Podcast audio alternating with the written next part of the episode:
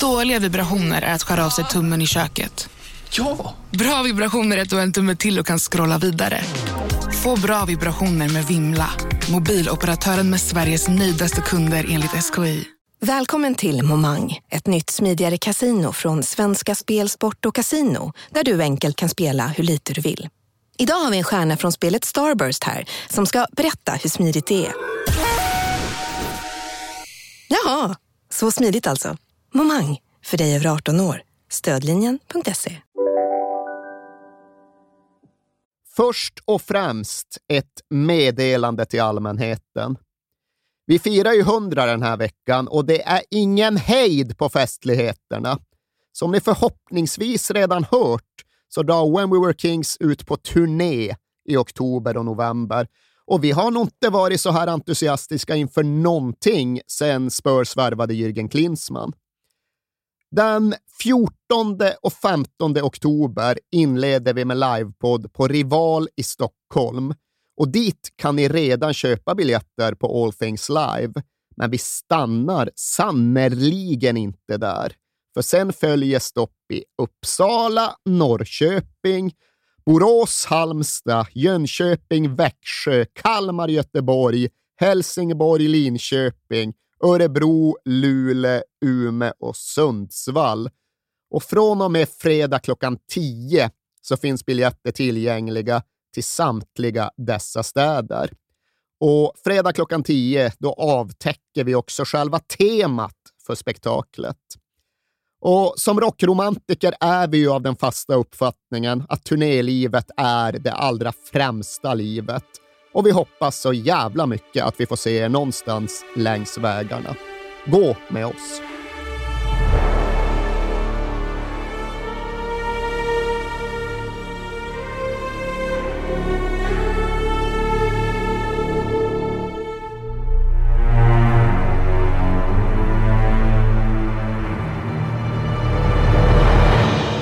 Under slutminuterna är Malmöspelarna rejält nervösa och Örgryte jagar kvittering. Och plötsligt får matchen sin andra tremålsskytt. Joakim Karlsson lyckas igen. ÖIS går från 2-4 till 4-4 och har i ett av matchens absolut sista anfall dessutom chansen att avgöra. Men inhoppande debutanten Christian Hemberg skjuter strax utanför alldeles intill stolpen.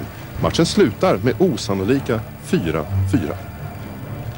Ja, sicken målfest och ÖIS goa gubbar kvar i topp en poäng före Frölunda. Millenniets sista allsvenska fotbollsmatch på Råsunda i den näst sista omgången den 25. AIK mot Malmö FF som var tvungna att vinna för att undvika nedflyttning.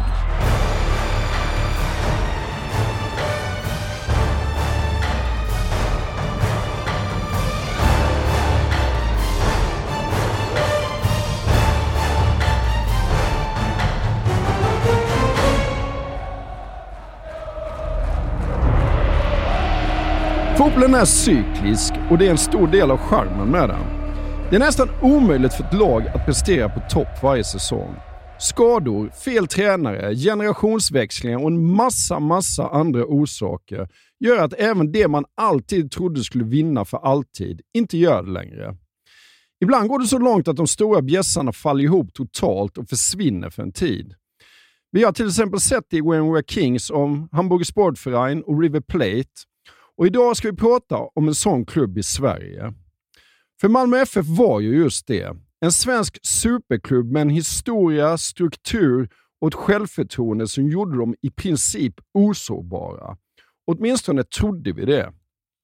Och det finns givetvis en timing i det faktum att vi publicerar detta avsnitt morgonen efter att Malmö FF har spelat Champions League-fotboll mot Juventus på sin alltjämt nya arena. Så har det inte alltid sett ut och så såg det sannerligen inte ut för lite drygt 23 år sedan.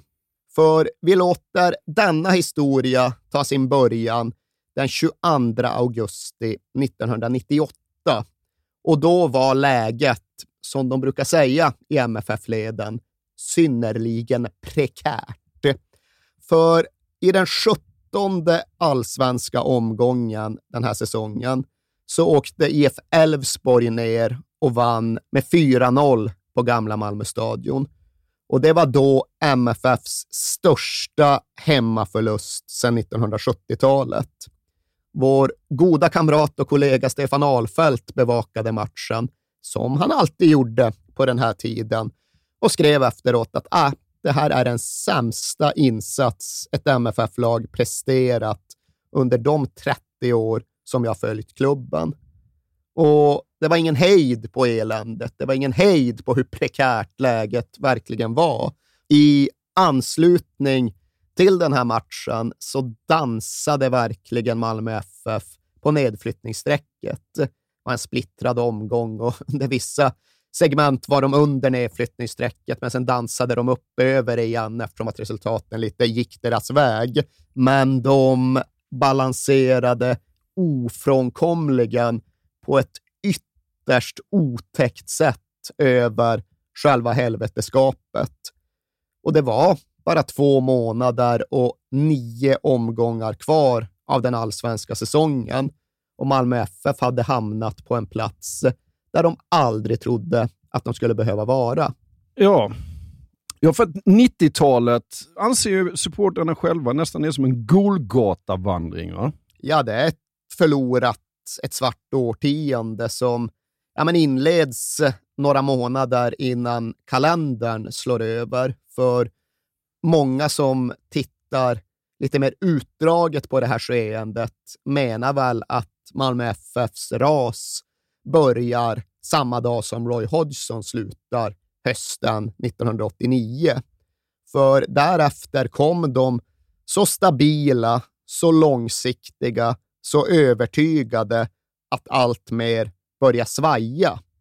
Till att börja med så valde de ju att ta tillbaka Bob Houghton som tränare och det fanns såklart en logik i det. Att ja, vad fan, en gång på 70-talet då hade Roy ersatt Bob och det gick ju precis hur bra som ja. helst. Och nu kom Bob tillbaka för att ersätta Roy och det skulle väl bara fortsätta uh, vara en fråga om att stapla bucklor och seriesegrar på varandra. Men så blev det ju inte. Tiden hade på ett eller annat sätt sprungit ifrån Bob Houghton och den sessionen slutade med sportslig katastrof. Och därefter inleddes då den här ganska, men den här pendlingen mellan olika idéer och fotbollsideologier som var rätt svår att hänga med i, rätt svår att se linjen i. För omedelbart efter Bob Houghton, ja, då kommer dansken Viggo Jensen. Och då var tanken att det skulle just vara en annan typ av fotboll som skulle praktiseras, en annan modell som skulle implementeras. Men det gick ju inte alls, utan under Viggo Jensen slutar Malmö tia i den allsvenska tabellen 1993 och Malmö FF hade aldrig, bokstavligt talat aldrig, varit sämre än tia i en allsvensk tabell. Aha, då behövde såklart någonting göras och då fick det bli någon variant av tillbaka till grunderna.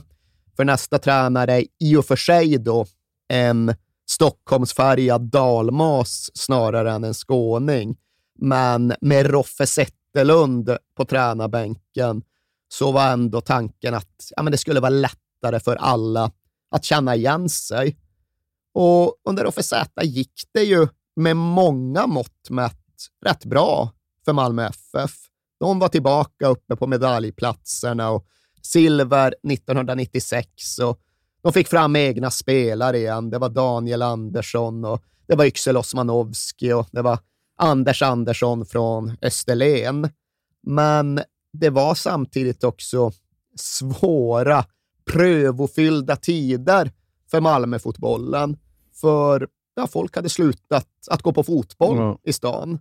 Och det fanns en lång rad anledningar till det och det fanns Percy Nilsson och hans hockey.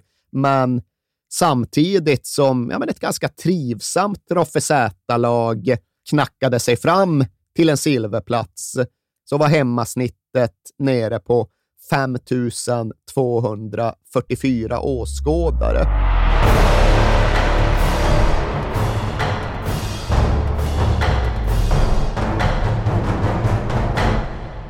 Ska vi gå in på försäsongen eller ska vi säga klang och jubel försäsongen? Ja, det kanske vi kan, för det är i alla fall så eftermälet har kommit att gestalta den. Och det baseras väl mycket på att Malmö åkte ner till La Manga och sopade ganska rent i en av de här traditionella försäsongsturneringarna som alltid spelades där. Det var Bröndby som förlorade och Vålerenga som fick stryk och ja, men MFF som till sist lyfte den där, ja, den där bucklan som jag inte vet om den faktiskt fanns. Nej. Oklart om man fick någon buckla för att vinna turneringen, men turneringen vann de. Sen tror jag i och för sig att bland de riktigt kunniga, noggranna MFF-människorna så är det här viktigt att påpeka att ja, men det där med klang och jubel för säsongen 99, det är ju rätt mycket av en myt för väl hemma i Norden igen, ja då blev det både en och två förluster mot danskt motstånd. Ja, danskarna, ja. Men det har Ja. minsann glömts bort. Det Ja. har sopats undan i historieskrivningen. Men oaktat detta så var det i alla fall en försäsong som fick optimismen att stiga runt Malmö, både externt och internt. Mats Liljenberg var en av dem som kom in och tyckte att ja, men det här känns ju hur bra som helst se oerhört bra ut framåt och dessutom släpper vi in få mål, konstaterade Liljenberg och tyckte att det fanns anledning att tro på rätt stora saker in i den allsvenska säsongen.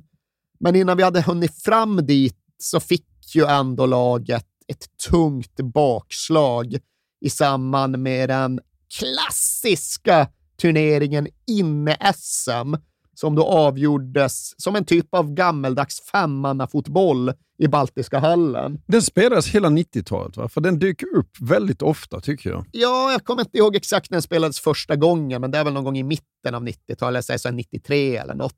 Jag är rätt säker på att Hammarby vann den första upplagan. Det var väl det som gav upphov till att de så länge sjöng att de minsann aldrig hade vunnit Svenska cupen, aldrig vunnit SM-guld utomhus. Men inne-SM hade de ju Ja, just det. Men här var väl MFF inne i en ganska fin period där de dominerade inne-SM. Spelas in som fortfarande? Alltså inne-SM har ju numera fått tappningen av, det är väl SM i futsal, Futsal, numera. ja, just det. Att det liksom, det, det uppstod en debatt runt inne-SM precis detta år. För det som händer är ju då att ett, som jag, om jag minns rätt, titelförsvarande Malmö ska gå in i den här turneringen. Och dagen före den spelas, då knallar Jens Fjällström mot sin bil efter ett av träningspassen. Och då ska Roland Andersson bara ropa till honom att ja, in SM imorgon, hur känner du? Liksom, vill du stå över så är det helt lugnt. Det- Du behöver inte spela. Men jag sa, nej, va? det är ju, det är ju in-SM. Det skulle jag aldrig missa. Klart jag ska spela. Och så går Malmö fram till final och så möter de Trelleborg och så drar Jens Fjällström av det inre korsbandet. Ja. Och det är inte bara hans säsong som försvinner där, utan i praktiken tar hans karriär slut. Så jävla onödigt det känns. Det gör det ju. Ja. Det var visserligen inne-SM, Nej, men, ja. men Roland Andersson tillhörde definitivt de som tyckte att det kändes onödigt. Han skrädde inte orden efteråt, utan han mullrade om hur han hoppades att vi slipper skiten framöver. Ja. För mig har inomhusfotboll alltid varit nonsens. ja, jag håller ju med. Innan futsal, i alla fall elitklubbar, ska inte hålla på med sånt. Alltså, Nej, och det blev ju några vilsna år, för jag tror just att förbundet hamnade under rätt hård press som konsekvens av det här. ja. Ett mästarlag som tappar en nyckelspelare och med en tränare som står och avfärdar allt som skit och nonsens. Sen var de i och för sig lite sura också för att det inte fanns några prispengar det här året. Jaha. Tidigare hade det minst varit en kvarts miljon till segrarna. Nu var det ingenting. Vad Nej. spelar vi då för?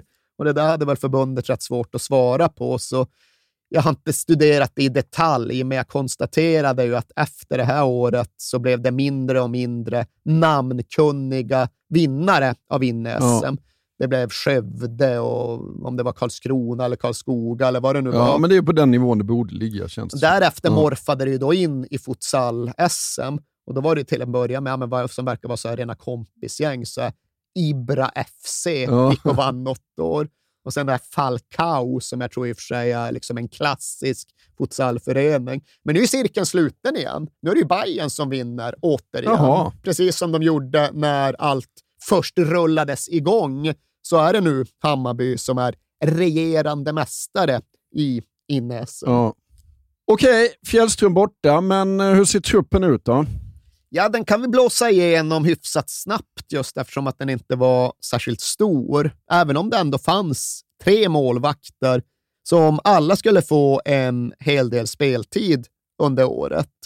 Johnny Fedel ändå självklar som första man. På så många sätt mister Malmö från Möllevången. Kom väl och spelar, tror jag, 583 matcher för MFFs A-lag och därtill kan du lägga alla pojk och juniormatcher så kommer du nog fram till en situation där Jonny Fedel gjorde fler än tusen matcher i himmelsblått. Ja. Det här kanske inte är hans allra bästa period i karriären. För jag vet att han själv tyckte att målvaktsträningen under flera år var usel i klubben.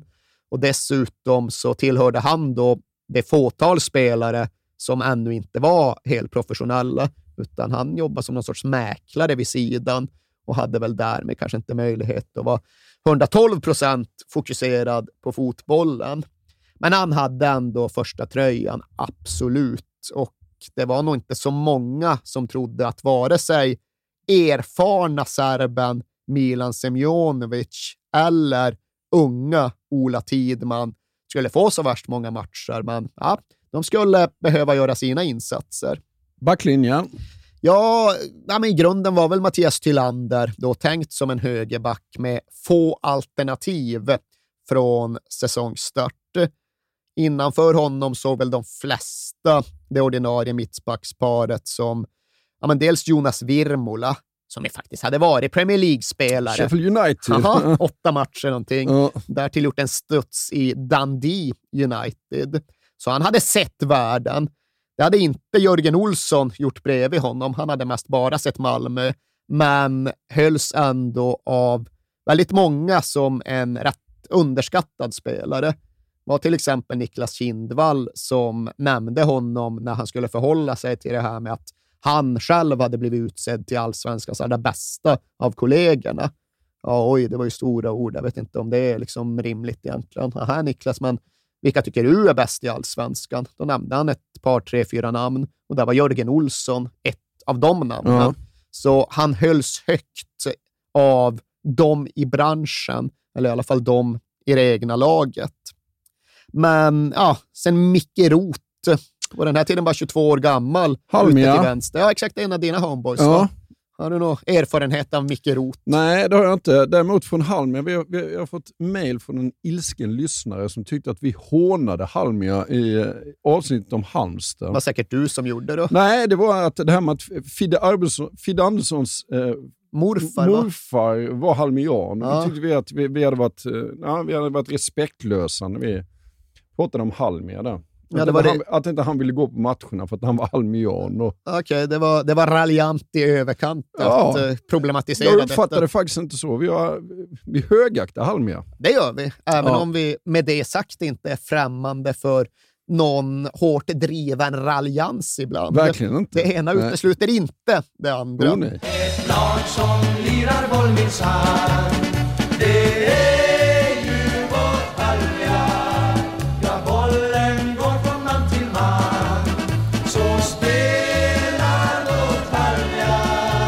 Halmia ser väl i och för sig ingen anledning att vara raljant kring MFFs försvarsalternativ den här säsongen. Men bakom den där backlinjen som de flesta uppfattade som första valet, ja, då fanns ett par unga och egna. Och då tänker jag främst på Jimmy Tamandi, på den här tiden fortfarande bara tonåring. Och dessutom Olof Persson. Om det känns lite märkligt att prata om Jimmy Tamandi som tonåring, känns det ännu mycket Oh ja. konstigare att konstatera att Olof Persson bara var 21. Ja. Otänkbart att Olof Persson någonsin har varit 21. Ja. Han liksom permanent 34 år gammal. Ja. Han var det när de vann guld senare, han är det än idag och han måste rimligen alltså ha varit det även 1999. Ja. De påstår att han var 21, vi tror inte på det. Nej. Mittfält. Ja, Inledningsvis tänkte sig Roland Andersson att det skulle bli en typ av 4-3-3-uppställning. Inte då holländskt 4-3-3. Ja, men det där blev jag lite chockad över när jag läste. Ja, men eh, han var... Vad har hänt? Nej, men han var alltid inne ändå på det att ja, men, arvet från Bob, som han ju inte hade några problem att iklä sig, att det kunde inte misstas som en tvångströja i 4-4-2-tappning, utan principerna var inte bundna till formationen. Det gick alldeles utmärkt att spela Bob Houghton-fotboll även i 4-3-3-uppställning. Och ja, detta skulle väl visa sig på både gott och ont under spelåret. Mittfältstrion som spelade oftast i början av 99, den bestod ju till att börja med av kapten Hasse Mattisson från Husie, symbol för det traditionella Malmö på alla tänkbara sätt och vis. Bredvid honom ofta Olafur Örn Bjarnason, en islänning som jag tror inte många utanför Malmö har särskilt starka minnen av. Hemma på Island så uppfattar jag det som att de flesta ser honom som mittback, så det är väl rättvist att prata om en ganska defensivt inriktad mittfältare i detta lag. Och framför dem, jag vet inte om jag ska säga att han fick då fri nummer 10-roll, riktigt så funkade det väl inte, Nej. men ändå med större kreativt och offensivt ansvar. Ja, men Niklas Gudmundsson, ännu en av dina homeboys, Ja.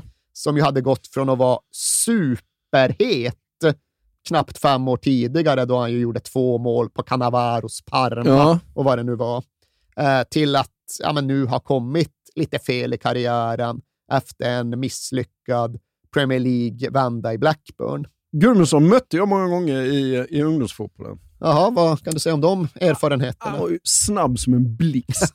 Det, gick ju inte, det gick ju liksom inte att stoppa honom. Han sprang ju förbi allt. Ja, du var typ mittback, eller? Ah, jag var lite olika, lite så defensiv mittfältare också. Men han, Det var Erlingmarksk sättpotatis. ja, men, eh, nej, men alltså, och på den är ju ungdomsfotbollen och, och när man kommer upp lite grann så är du så snabb och målfarlig, ja, då, gör, då är du ju... Ja, alltså framförallt på, på vår tid. Ja, Börja spela 11 manna när du är 12 och ja, som sagt, är du snabb då så räcker det ju att peta bollen och sticka. så var det ju. Så var det, ja, 100 procent. Verkligen. Så jag kan tänka mig att Niklas Gudmundsson gjorde en del mål i den halländska ungdomsfotbollen. Verkligen.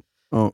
Men ja, alltså mittfältet, det var ofta de tre. Jens Fjällström var ju borta och tittar vi på övriga alternativ, ja, Sverrir Sverrisson, en annan islänning utan jättetydlig profil som spelare.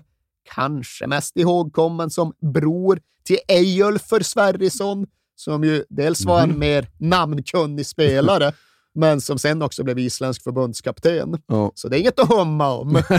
Eyjulfur ska du fan med ha koll på. Eh, jag vet inte hur bra din koll är på Brune Tavell. Nej, jag kommer ju ihåg. Man kommer ihåg namnet. Exakt. Även han kändes mångsidig. Ja. Det är liksom, ja, men, kunde användas på mitten, kunde användas på backlinjen, ytterback, ja men det löser väl Brune. Men eh, mest minns man just det där att man liksom roades av eller raljerade över alla som fatt, inte fattade att han minsann hette Brune och inte Bruno. ja, just det. Eh, sen då Jens Nordström, som jag inte heller riktigt vet om vi ska kategorisera som ren mittfältare, var väl mer offensiv i sin läggning än många av de andra Roland Andersson-mittfältarna. Men här ska jag ju vara uppriktig och säga att ja, jag har inte jätteskarpa och klara minnen av vilken sorts fotboll Jens Nordström verkligen Nej. spelade. Däremot har jag en tydlig bild av ansvarsfördelningen som det var tänkt att Roland Anderssons 4-3-3-spel skulle bygga anfall runt. För där fanns då, ja, som det hette, teknikern, ångvälten och jakthunden. Jakthunden, det var de nyvärvade Mats Liljenberg som skulle vara någon typ av målgaranti.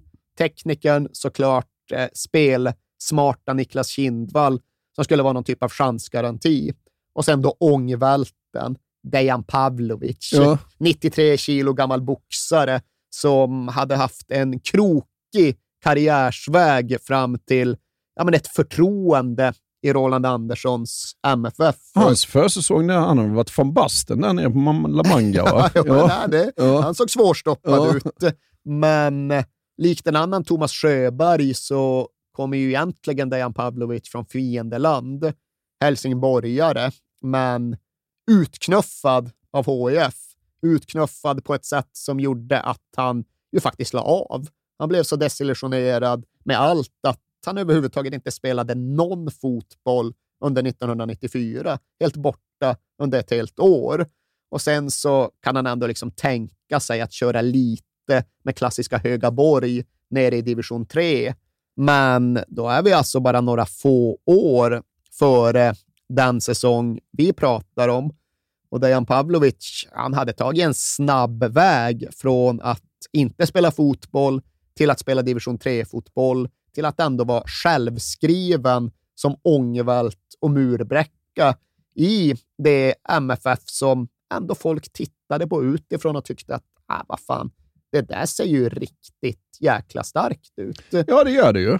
Eller hur? Ja, Ja, men, ja. äh, När ja. man ser det i historiens ljus så tycker jag väl att, ja, okej, men inte så det jättemycket mer. Nej, Men, men visst det- tror man på att Dejan Pavlovic är van Basten och tror man på att den där tremannakedjan funkar ihop, då tänker man väl just att ja, men, de ser till att få upp bollen dit snabbt och tidigt. Ja. Och har de sen en Roland Anderssonsk struktur så blir de säkert svårslagna. Ja. Och på så sätt kan jag väl förstå att många ändå trodde mycket på MFF. För det gjorde de ju. Det gjorde de och eh, jag tycker att ja, men jag tycker faktiskt ändå att det talar till Roland Anderssons fördel att han någonstans manade till besinning när tabelltipsen från alla håll och kanter regnade in och MFF var trea, eller MFF var tvåa, eller MFF var guldfavorit. Ja. Roland Andersson sa, ja, men, det känns konstigt att nämnas bland guldaspiranterna när vi höll på att åka ur med i stort sett samma lag i fjol. Men han talade ju för allt mer döva öron och dråpslaget för försöken att skruva ner förväntningarna kom väl den första helgen i april, en vecka före den allsvenska premiären. För då gjorde våra två förbundskaptener, chief coach Tommy Söderberg och assistenten Lasse Lagerbäck, en intervju med Expressen. Och där är de ja, men förvånansvärt öppna kring sina förväntningar på den allsvenska säsongen. De pratar upp vissa spelare och de pratar ner annat och de diskuterar och resonerar och reflekterar kring ja, men saker som jag inte tror de hade kommenterat så utförligt lite senare i sin förbundskaptens gärning. Men den första meningen i den artikeln lyder Det finns experter och det finns experter. Här är den som borde veta allra, allra bäst. Jag tror att Malmö FF vinner allsvenskan, säger Tommy Söderberg, Ja. 50. Och det säger ju Tommy Söderberg, 50. Han är ganska tvärsäker, eller han känner inget behov av att gardera sitt tips, utan säger bara Malmö FF vinner SM-guld. Ja. Lasse Lagerbäck är liksom inne på samma linje, men han reserverar sig ändå lite och säger ja, Malmö eller grannarna från Helsingborg. Och här ska det väl i och för sig också föras till protokollet att Söderberg och kanske ännu mer Lagerbäck hade ju väldigt lätt att relatera till det Roland Andersson ville göra. För de var precis samma andas och samma tankars barn. Vi vet ju nu att ja, men Lasse Lagerbäck tog in Roland Andersson som assistent Ja. när väl Tommy Söderberg försvann. Och det gjorde han ju utifrån ett ja, men 30-årigt samarbete och meningsutbyte. De gick på GH ihop här uppe i Stockholm och när de sen hade avlagt examen, då var typ det första som hände att Roland Andersson krävde att studiekompisen Lasse Lagerbäck skulle komma ner till Malmö, för skulle alla teoretiska lärdomar omsättas i praktik, då var det ju bara Bob Houghton i Malmö som egentligen borde studeras. Han var läromästaren, han var gurun, han var den som kunde lära unga ambitiösa fotbollsaspiranter allt det de behövde kunna.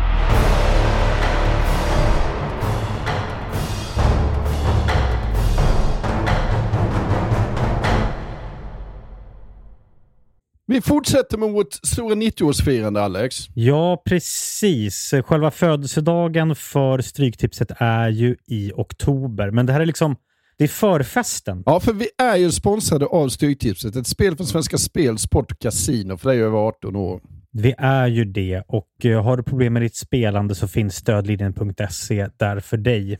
Och jag eh, funderade lite så här, undrar hur många som har haft 13 rätt genom de här 90 åren. Som har eh, förtjänat den här respekttröjan. Liksom. Vi firar ju på vårt speciella sätt med våra kära lyssnare som ja, älskar Stryktipset och har skickat in historier till oss om eh, hur Stryktipset har påverkat dem i 90 minuten. Och fortsätt gärna skicka in de fina historierna till kings at perfectdaymedia.se. Har vi någon historia idag?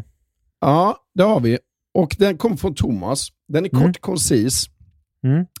Den går så här. Jag vill tro att detta är 2010. Arsenal spelar otrolig fotboll och ska bara städa av Sunderland och leder med 1-0 på stopptid. Mm. Jag har 12 rätt med häng på 13. Jag minns som sagt inte vilket år det är, men målskytten glömmer jag aldrig. Darren fucking Bent.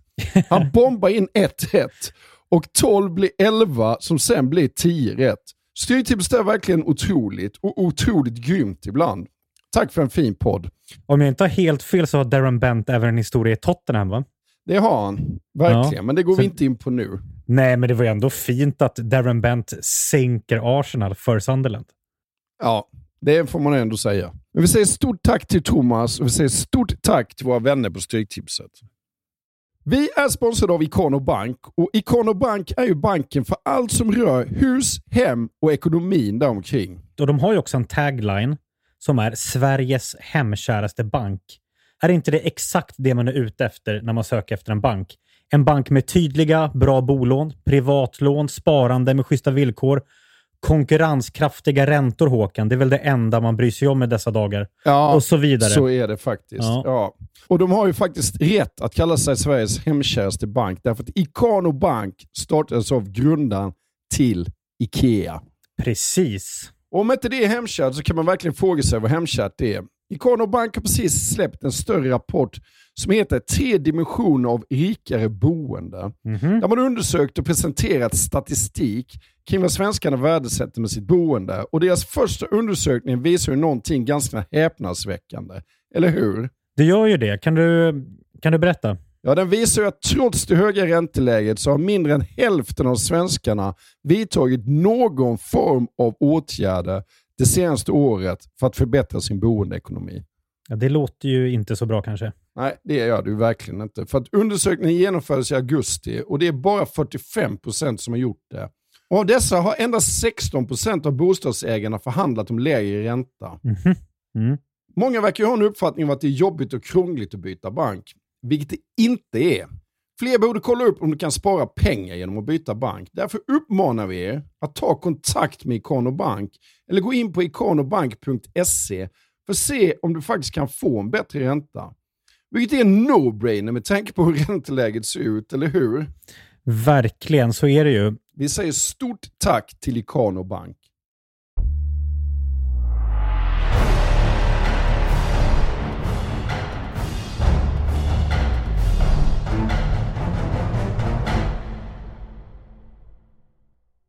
Och första matchen möter de Frölunda borta. Rudala. 1788 åskådare. Ja. Ja, nej, det, det var vad det var Ja. på Rudalen 1999. Men eh, oaktat vilket så tycktes ju Malmö FF infria alla förbundskaptens förväntningar. För den allsvenska säsongen hinner knappt rulla igång innan de tar ledningen. Och det är klart att det är liksom anfalls-Essen som, äh, de kombinerar väl inte, men Dejan Pavlovic stångar bollen i stolpen och sen raka Liljenberg in returen. Men det är ändå 1-0 till Malmö och de uppskrivna anfallarna har gjort jobbet. Så nu är det väl bara att fortsätta raka vägen mot det söderbergska SM-guldet. Äh, det tar ju inte speciellt många minuter innan Västra Frölunda kvitterar.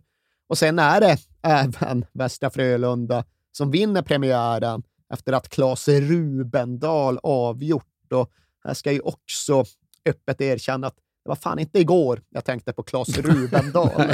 Ska vi vidare in i allsvenskan då? Ja. För eh, nu är det tung, börjar det bli tungt va? Nu börjar det bli tungt på riktigt. Malmö FF går in i det Roland Andersson rubriksatte som “Den svarta veckan”. Bra rubriksatt ja, Roland. Ja. Och han väljer ju den beskrivningen eftersom att Malmö FF förlorar tre hemmamatcher på bara en enda vecka. Först faller de mot ditt HBK för första gången sedan 1981 på den egna hemmaplanen. Och det är ett dråpligt mål som kostar poäng. Det är liksom Olof Persson som sopar bollen i ryggen på då Halmstads bördige Micke Roth ja. och in i eget mål. Och det var inte bra såklart. Och sen blir det tyngre mitt i veckan, för då ryker drömmen om en kupptitel. Och drömmen om en kupptitel ryker ju alltid i Malmö förr eller senare. Och just det här året rök den då i semifinal. Blåvitt kom ner och lyckades kravla sig vidare till final tack vare en golden goal-seger mot MFF. Och ja, nu börjar det ju vara tungt på riktigt och inte fan blir det lättare när Kalmar FF stänger den svarta veckan med en 1-0-seger på Malmö stadion.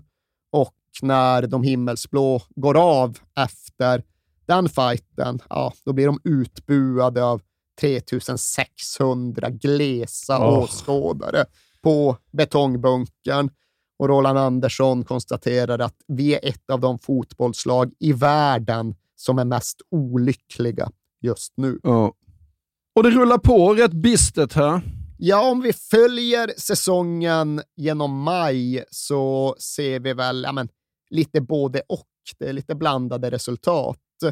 Men därefter inleds sen juni med att Jonas Virmola går och blir långtidsskadad under en, en sorts jippomatch med sponsorer. Och Virmola är inte nöjd kan jag meddela. Han dömde om totalt vansinne. Kan inte förstå att dessa sponsormatcher måste arrangeras mitt under säsongen. Och, ah, jag är mest förbannad på mig själv för att jag ställde upp. Och Det går att begripa, ja. men om det fanns en svart vecka där i början av maj så får väl egentligen hela juni sägas vara en riktigt svart månad för MFF. För det blir inte en enda seger. Det blir två ynka poäng och två ynka mål på fyra matcher. Och efter en riktigt svidande 4-1-förlust mot bottenkonkurrenterna i Djurgården, ja, då slog Niklas Kindvall fast att citat, vi spelar skandalöst uselt.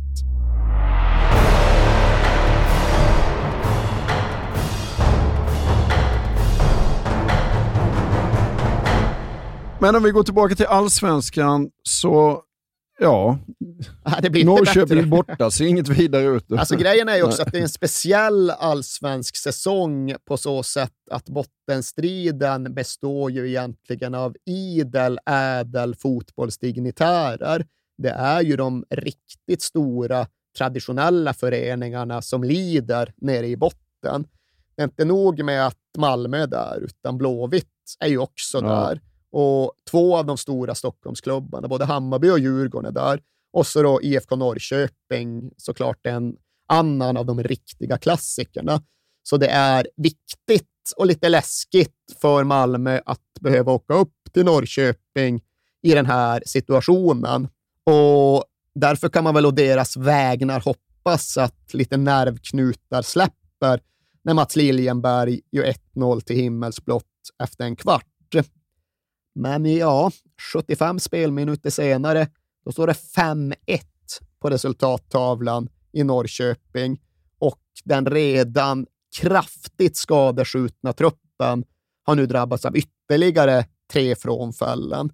Bjarnason har gått avskadad, Rot har gått avskadad och värst av allt, Niklas Kindvall har gått avskadad. Han har egentligen han har inte varit så bra den här säsongen, men det förklaras i alla fall delvis att han har spelat med rätt svåra ljumsksmärtor sen, ja, i alla fall i maj. Ja. Och nu säger någonstans hans kropp definitivt ifrån. Så där står de. Åtta spelare på skadelistan, sju raka borta förluster, bara sex omgångar kvar. Ja, och då är väl stämningen i spelartruppen rätt pressad va? Detta skulle visa sig inom kort. Det är ett par tre dagar efter förlusten i Norrköping, träning nere i Malmö, Roland Andersson som beordrar aggressivt försvarsspel och ett träningspass som därefter urartar. För ja, det blir rejält slagsmål på träningen mellan Jonny Fedel och Jimmy Tamandi. Till att börja med så spelade de i samma lag och Jonny Fedel stod i mål och dirigerade sin backlinje, läs gnällde på Jimmy Tamandi. Ja. Han skötte sig tydligen inte och fick höra det. Sen liksom växlade de och liksom lättade upp spelet lite grann och lät Johnny Feder bli utespelare. Och det var ju tydligen det dummaste som gick att göra. För sen ja, gick det inte många spelsekvenser innan Fedel och Tamandi ja, men verkligen slåss. Alltså inte knuffas, Nej. lite, utan slåss. Fedel ska väl ha skallat Tamandi, tror jag det sägs i alla fall. Och ja, Tamandi var lite tilltufsad och lommade sen iväg och sparkade iväg massa bollar i vredesmod. Och, ja, det var inte bara ett litet gnabb, utan Nej. det var ett slagsmål. Om det finns en Malmöspelare jag inte skulle vilja slåss med så är det faktiskt Jo- Jonny Feder. Det är väl rätt många av den här liksom yngre generationens Malmöspelare med den nya tidens malmöitiska kaxighet som sa att ah, respekt hade vi väl egentligen inte för någon av de här gamla. Liksom, vad fan, Hasse Mattisson hit och, och alla de andra dit. Men ah, Jonny Fedel, alltså, Ja. det var en jävel. Italienskt blod i Ja. ådrorna och vad de brukar Ja. prata om. Men här skulle det ju ändå kommuniceras att ja, ja, sånt händer ju på varje träning. Det är liksom ingenting att skriva om. Det är ingenting att göra rubriker på. Blir det några reprimander, Roland Andersson? Nej, nej, ingenting. Nu har vi pratat med dem. De har bett varandra om ursäkt. Allt är glömt. Här är ingenting att eh, liksom göra till en stor sak. Och ja, det kanske inte blev några reprimander, men det var ju rätt lätt att konstatera att i nästa laguppställning tre dagar senare, när Malmö FF åkte till ditt Halmstad, ja, då fanns det ingen Johnny Feder med i matchtruppen. Det fanns inte heller någon Jimmy Tamandi med i matchtruppen. Och det lämnade ju för sig ett visst utrymme på avbytarbänken. Ja, för de åker upp till Örjansvall och så här, eh, när man tittar tillbaka så är ju det här en eh, historisk match på, Ja, på ganska många sätt faktiskt. Det får vi väl faktiskt, eller det får vi definitivt säga. Och det är ju då en match då några nya unga ska låta höra talas om sig. Och vi har redan räknat upp ett drygt halvdussin egna skåningar som får speltid den här säsongen. Men vi har inte pratat om de två mest omsusade och beryktade. Och att Malmö var en stad i snabb och kraftig förändring vid den här tiden, det behöver vi inte berätta, det känner ju alla till. Och det var också någonting som det hade pratats rätt mycket om på den här nätverkskonferensen i Luxemburg. Vad innebär det här och liksom hur förhåller sig Malmö FF till den här förändringen som bland annat var demografisk? Och Hasse Borg satt där nere på de där panelsamtalen och eh, berättade om hur 52 procent av alla som var 19 år eller yngre i Malmöregionen numera hade någon typ av utländsk härkomst. Och det här var alltså 1999. Då kanske det fanns en yrvakenhet runt den här situationen. Idag är det väl med någon sorts självklarhet, men bland de som Hasseborg pratade om, bland de som Hasseborg kontextualiserade malmöitiskt, så fanns det ju två stycken tonåringar från Amelund respektive Rosengård strax sydöst om Malmös innerstad. Och det var ju två respektlösa ynglingar som gjorde grejer på sitt sätt, på ett sätt som kanske inte låg i linje med Bob Houghtons traditioner och som inte såg något skäl till varför just de skulle bära bollnäten på träningarna bara för att de var yngst. Det var ju två grabbar som systematiskt fuskade sig igenom MFFs långa löppass som satte sig på en stadsbuss eller snodde en cykel för att döda sju, åtta av de där tio kilometrarna som skulle tillryggaläggas. Och den ena av dem, ja, ni vet ju att han hette Zlatan Ibrahimovic och vi ska prata lite mer om honom senare. Men just nu så är det ju den andra grabben vi ska stanna vid. Han som vi känner som Tony Flygare, men som hette Tony Jelisic när han var ung. Pappa från Makedonien, mamma från Bosnien, men sen då en svensk styvpappa vars efternamn han kommit att ta. Han var ju det stora offensiva ungdomslöftet i den här Malmö-generationen. Det var i stort sett alla överens om att det var han som gjorde flest mål och det var han som låg längst fram i kön till A-laget. Och det hade ju även märkts under den här säsongen.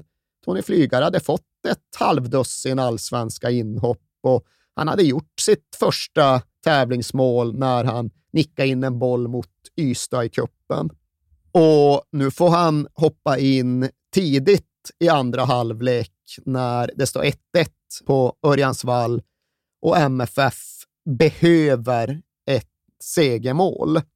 Det gör de. De letar verkligen det där segermålet och Brune Tavell har ett jäkla läge när matchslutet börjar närma sig.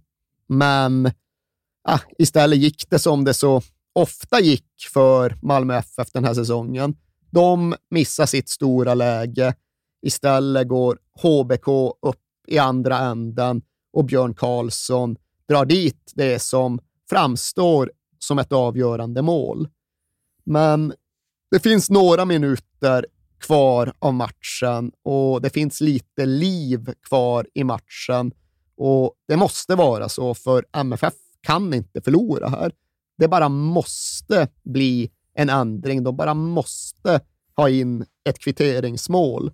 Och i den här desperationen så forcerar de till sist även fram en straffspark. Det är Thomas Rasanauskas som kanske gör sin främsta insats ja. för Malmö då han går mot Micke Svensson i HBK och blir neddragen, får straffen och här är vi då framme vid minuterna då fotbollshistoriens käftar sluter sig om den här straffsparken. För ingen är riktigt klar över vem som ska slå den. Från början så var det Dejan Pavlovic som slog straffarna den här säsongen, men han är ur spel. Det var väl Niklas Kindvall det självklara valet, men han är ju indisponibel. In i den här matchen så var det tydligen sagt att Olof Persson var första straffskytt, men han var utanför plan och fick behandling för någon skada. Och, men då var det väl klart att Mats Liljenberg skulle skjuta. Skyttekungen, han som redan hade gjort mål i den här mm. matchen. Men nej, han var osugen eftersom att han kände att den gamla lagkompisen Håkan Svensson i HBKs mål hade koll på hans sätt att slå straffar. Och i den här tveksamheten, i det här tomrummet som uppstår då tidvattnet kanske kommer mot den från två håll, ja, då tar då Tony Flygare, 18 år gammal, upp bollen och placerar den på straffpunkten. Enligt Flygare själv så kollar bara hans kompis Zlatan Ibrahimovic, som precis också har kommit in för sina allra första allsvenska minuter, på Flygare och säger “Shit, är du inte klok? Mm. Vad fan gör du?” Och till en början så hade han själv varit övertygad om att det är klart att det kommer sätta mästaren. Han hade självförtroende. Han var övertygad om sin egen målfarlighet, men ska sen i sitt eget huvud fått upp tvivel och tvekan när han tittade sig omkring och såg hur bestörta alla hans lagkamrater var. Då insåg han liksom någonstans vilket ansvar det var han tog på sig och hur fräckt och framfusigt det var att faktiskt anmäla sig själv för det här uppdraget. Tony Flygare har ju låtit publicera en bok om sitt liv och Ja. där beskriver han detta som att ödet hade bestämt att straffen skulle förändra mitt liv. Jaha. Och ja, Tony Flygare missar ju straffen. Håkan Svensson räddar. Och nu citerar jag återigen Tony Flygares bok. När jag missat sjönk jag ner på knä och tänkte att nu har de äntligen fått en syndabock som ensam ska få bära skulden för att vi åker ur allsvenskan. Och det där är väl det som ofta just sägs om den här straffen. Att ja, där beseglades, om inte annat, Tony Flygares personliga fotbollsöde. Alltså det påverkade otroligt mycket. Allt annat jag skulle säga hade jag ljugit i så fall. Det var Zlatans genombrott, var Zlatan kom in i, i rampljuset på riktigt. Det var hans debutmatch och det var samtidigt mitt uttåg från, eh, från Malmö FF. Kanske fick Zlatan känslan att wow, jag är här och tar över Tony Flygare. Min barndomsvän, min idol. Han har sugit åt mig kunskapen. Nu är det dags, nu ska jag visa. Här och det. Så det är klart, det, det betyder väldigt mycket.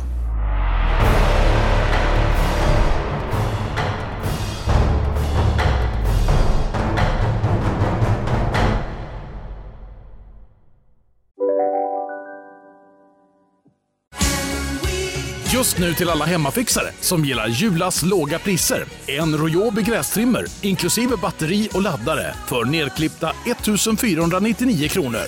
Inget kan stoppa dig nu. Om en yogamatta är på väg till dig, som gör att du för första gången hittar ditt inre lugn och gör dig befordrad på jobbet men du tackar nej för du drivs inte längre av prestation. Då finns det flera smarta sätt att beställa hem din yogamatta på. Som till våra paketboxar till exempel. Hälsningar Postnord. Det där var för att uppmärksamma er på att McDonalds nu ger fina deals i sin app till alla som slänger sin takeaway förpackning på rätt ställe. Även om skräpet kommer från andra snabbmatsrestauranger som exempelvis Ma... Eller till exempel Burger...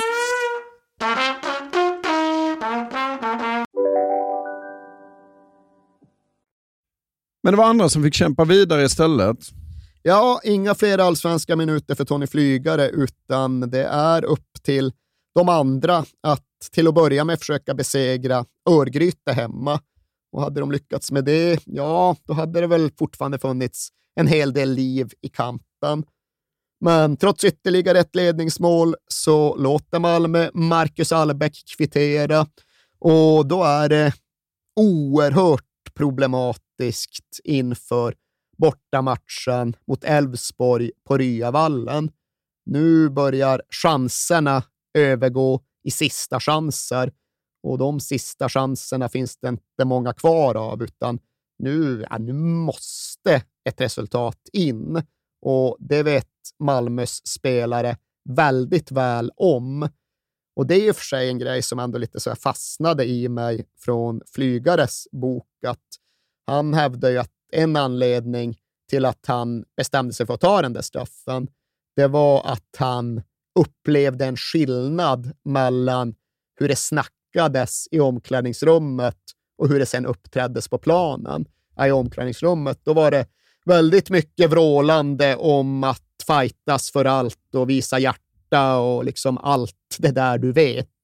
Men citat, hur jävla många gånger har jag inte hört er skrika kom igen i omklädningsrummet och sen är ni som skrämda möss när ni kommer ut på planen. Det är någonting jag upprepar nu eftersom att det finns flera av varandra oberoende vittnesmål som ja, men bara tittade på Malmös lag på väg ut för att möta Elfsborg i Borås och såg just ja, men skrämda möss, Ja. som Tony Flygare uttryckte det. Räddhågsna spelare, allvarstyngda spelare, ja, nästan lamslagna spelare. Och ifall du vill ha just ett exempel på ett lag som drabbas av en sorts kollektiv nervkramp, ja, då kan du väl titta på Malmö i den här ödesmatchen mot Elfsborg. För ja, de måste ta poäng. De måste egentligen vinna. De vet hur mycket som hänger på detta. Och så går de ut och så släpper de in tre bollar första kvarten. Ja. Och ja, vad är detta? Det är om inte annat rätt kul för Elfsborg att spela fotboll.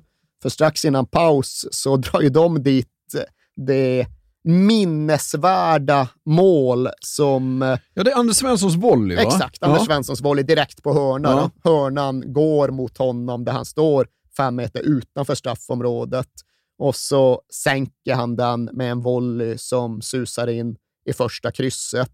Och spiken på gamla Ryavallen vrålar årtusendets mål. Ja. Och det kanske var en överdrift. Det tyckte i alla fall Roland Andersson som nöjde sig med att beskriva det som århundradets mål Ja. på presskonferensen Du efteråt.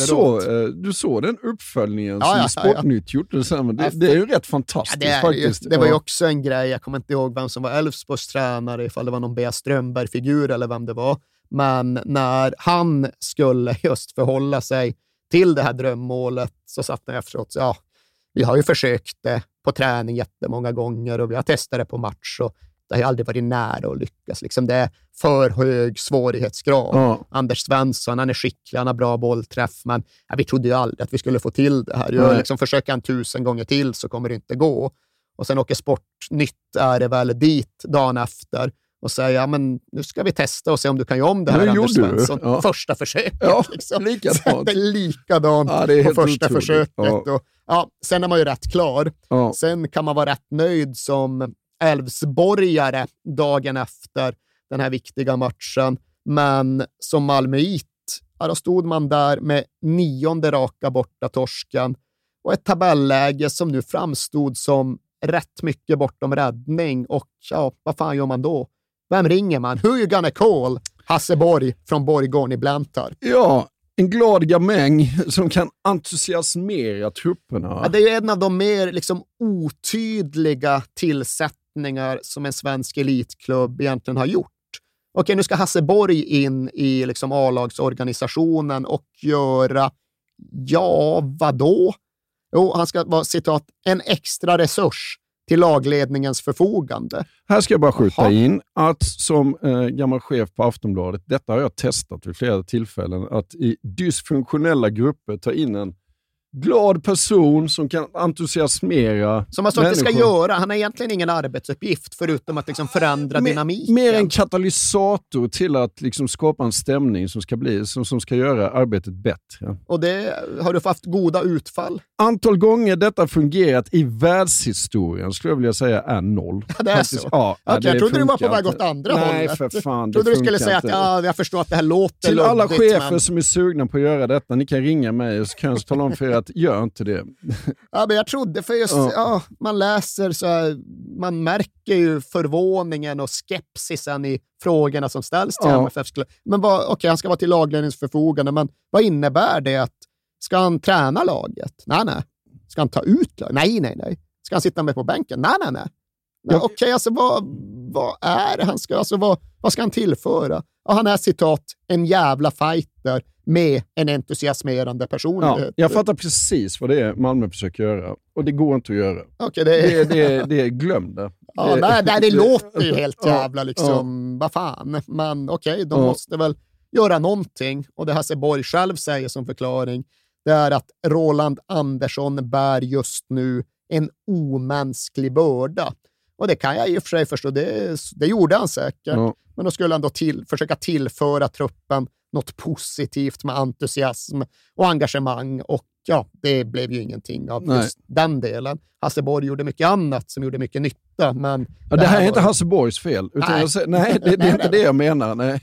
Det är ditt fel. Ja, ja, precis. Du ska berätta för mig sen när mm, vi inte rullar längre exakt vilka som fick uppdraget att Ja. vara entusiasmerande gycklare på. Aftonbladet.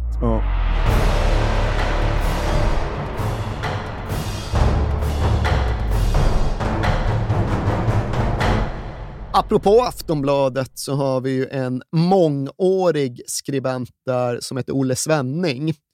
Och nu är vi då framme vid ja, men, ödesmatchens ödesmatch av alla ödesmatcher vi hittills nämnt. Malmö hemma mot Trelleborg i det som praktiken är vinna eller försvinna. Och då åker då Olle Svenning ner till sitt gamla Malmö för att skildra denna potentiella domedag. Och vet du vem som möter honom när han landar på Sturup för att ta honom till Malmö? Nej. Göran Persson. Jaha. Klart. Tror du Göran Persson har några synpunkter på Malmö FFs situation? Det kan jag mycket väl tänka mig att han har. Han har fasta, tydliga uppfattningar om hur laget inte hittat sin identitet. Och sen dyker Göran Persson upp lite här och där, som ju på den här tiden boende i Malmö och redogör med liksom, ja, ganska stor övertygelse vad Malmö FF har gjort, ja, inte rätt och fel, utan vad Malmö FF har gjort fel och fel under ja, inte bara året, utan egentligen hela klubbens existens. Göran Persson, han vet. Ja. Men det är det ta mig fan inte så många andra som gör och det är ja, inte en dag av tvärsäkerhet, störskhet, övertygelse i Malmö, utan den här gången framstår det verkligen som en fotbollsstad som är medveten om vilket öde som verkar och som på något sätt försöker hantera detta. Det spelar liksom ingen roll hur entusiastisk och energisk Hasseborg är, för alla ser isberget och alla inser att eh, ja, att det är dit allt är på väg. Och det här går inte att eh, ändra på med entusiasm i det här skedet av historien, utan det borde ju såklart vara en match som Malmö ska kunna vinna, eller det borde i alla fall vara en jämn match, för att Trelleborg, de är såklart också där nere och kämpar Ja. runt nedflyttningsstrecket. Men ändå framstår det som att det kan bara sluta på ett sätt. Och det är klart att det är ett självmål som ger Trelleborg ledningen. Och det är givetvis så att 1-0 målet sen späds på med ett 2-0 mål för bortalaget strax före paus. Och redan där är det egentligen slut och över. Och redan där blir det då ja, men direkt olustigt, i alla fall för Roland Andersson och hans närstående. Alltså det är inte så att Roland Andersson ofta och gärna går tillbaka till det här spelåret i ingående detalj, utan när jag har försökt följa händelsekedjan, då blir det nästan att man får liksom använda allt som Roland Andersson någonsin har sagt i sammanhanget. Han är rätt fåordig och knapphändig när det kommer till Malmö FF 1999. Men de gånger han har pratat och de gånger han har gjort det med känslorna i rörelse så är det då den här halvtidspausen han återvände till. För ja, det var ju lite segt att det ringde fyllgubbar hem till honom i Löddeköpinge på natten.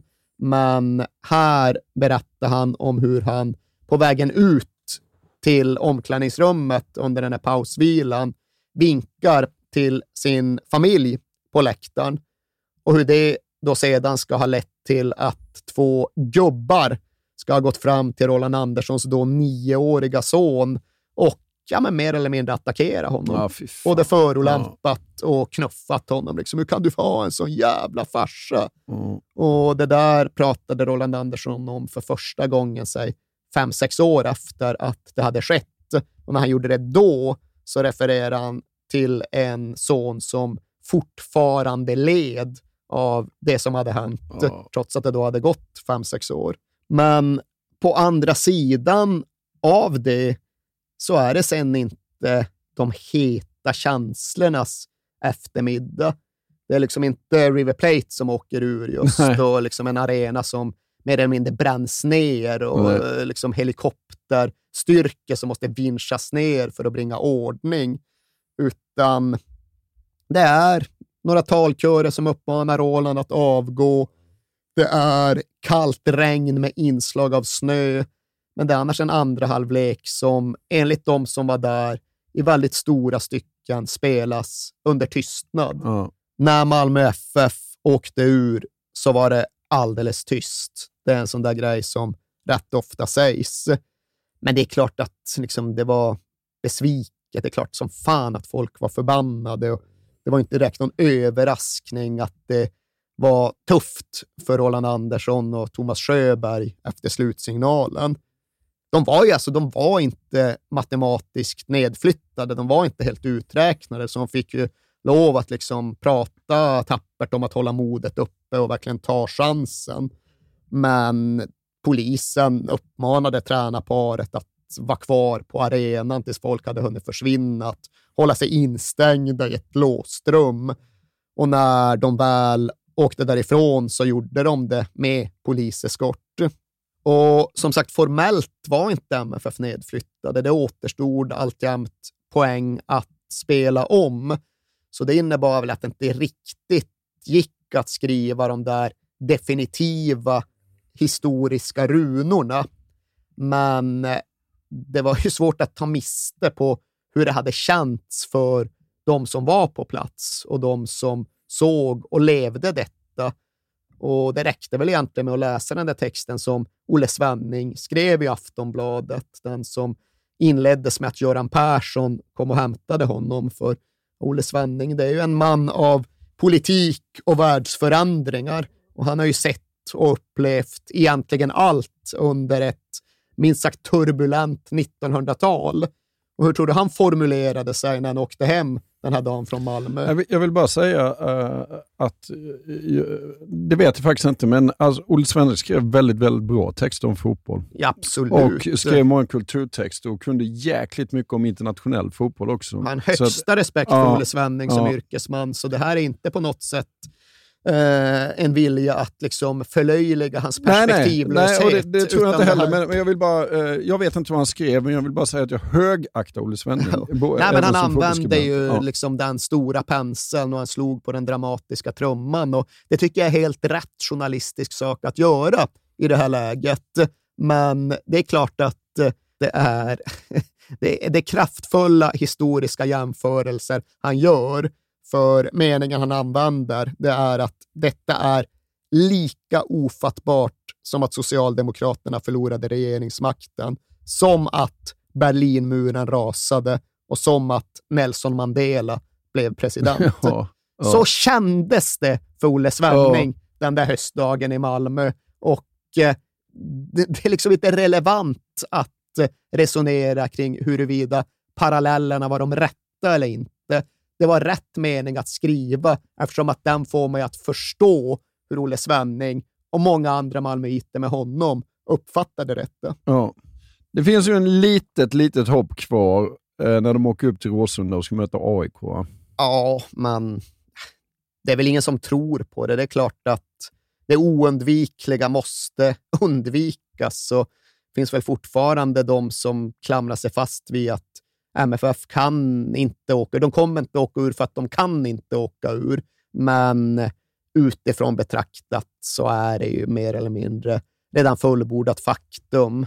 Det är men på många sätt ett leta, ett bökande i ruinerna som pågår redan under dagarna in i AIK-matchen snarare än den där stora sportsliga kraftsamlingen.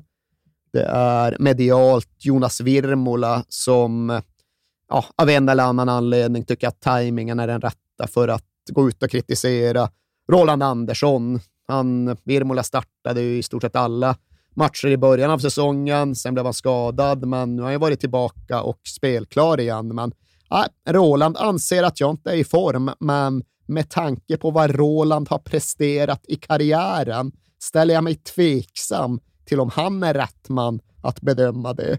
Och Roland Andersson får, får, får och får, Roland Andersson väljer att gå ut och bemöta det genom att syrligt bara säga att ja, Birmola hade självfallet fått spela om han vore kvalificerad. Det är han nu inte. Nej. Och, eh, det, var väl lite, det var väl lite så Birmola var också. Ja, så han, han var väl den, den raka kommunikationens ja. man. Så... Raka spelets man också. Ja, det också. Ja, det också. Ja. Men ja, den här liksom episka slutstriden mot AIK på Råsunda, den uppstod ju aldrig, den infann sig aldrig. Utan även här var det en ganska stilla, lätt resignerad väntan på både slutsignal och ja, sportslig undergång. Visserligen bara 1-0 till AIK under stora delar av matchen, men sen är de 2-0 med typ 10 kvar, 3-0 med bara några få minuter eh, kvar på klockan. Och, eh, alltså aldrig, aldrig ett snack, aldrig liksom en känsla av att ah, nu, nu kommer vändningen, nu, kommer, nu sprattlar det till och så kommer liksom allt att förändras i ett trollslag, utan egentligen bara en väntan på slutresultatet och slutsignalen och slutpunkten för alla dessa drygt 60 obrutna år av allsvensk fotboll. Millenniets sista allsvenska fotbollsmatch på Råsunda i den näst sista omgången den 25. AIK mot Malmö FF som var tvungna att vinna för att undvika nedflyttning. 12 664 åskådare såg Malmö FF inleda bäst, men det var AIKs match. Andreas Andersson. Ingen utdelning den gången. Thomas Gustafsson brukar sällan skjuta, i alla fall inte med vänstern. Här gör han det. Och det blir Tobbe Gustafsson som gör millenniets sista allsvenska mål på Råsunda. AIK slår Malmö med 3-0. Men ja, tillbaka 1999 så fanns det ju en del andra cirklar att försöka sluta för både Malmö fotbollförening och ja, Malmö stad. Och det tog ju inte många dagar innan Hasseborgs Hasse Borgs otydliga uppdrag fick en betydligt mer handfast form. För ja, det var på onsdagen efter nedflyttningen som han utsågs till ny sport och marknadschef Ja. i föreningen. Och han skulle få göra. Han behövde rätt tidigt konstatera att den tilltänkta tränaren Arne Erlandsen minsann tackade nej till att ta över MFF och istället fick det bli Micke Andersson från Stockholm som kom in och deklarerade att Malmö numera skulle spela anfallsspel med Barcelona som förebild. Men allt det är en annan historia och på samma sätt är det också en annan fas av berättelsen som Malmö och Zlatan och alla andra nu går in i.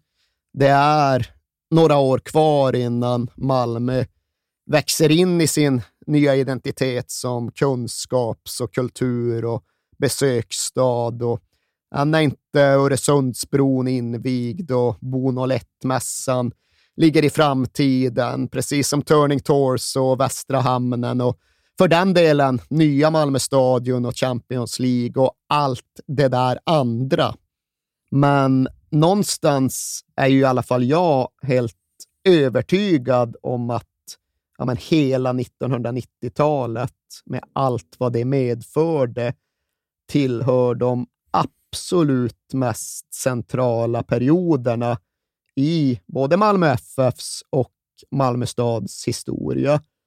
För det går inte att växa riktigt högt. Det går inte att hitta en ny riktning ifall man först inte har varit nere på botten och vänt. Det går inte att älska en stad utan skönhetsfläckar och det är svårt att ta till sig en fotbollsförening som aldrig ens åkt ur. Och jag märker ju också på mig själv när jag går till nya stadion för att se MFF spela någon Champions League-match att eh, nog blev jag väl medryckt av alla de där triumfvisorna om SM-gulden och mästerskapen och seriesegrarna. Men det är ändå en annan sång som griper tag i mig mer än någon annan. Den som jag nog beskriver som min favoritsång från Malmös läktare. Och det är ju den med strofen Om ni trodde allting var förlorat, att Malmö skulle lägga sig och dö, då kan ni ingenting om vår historia.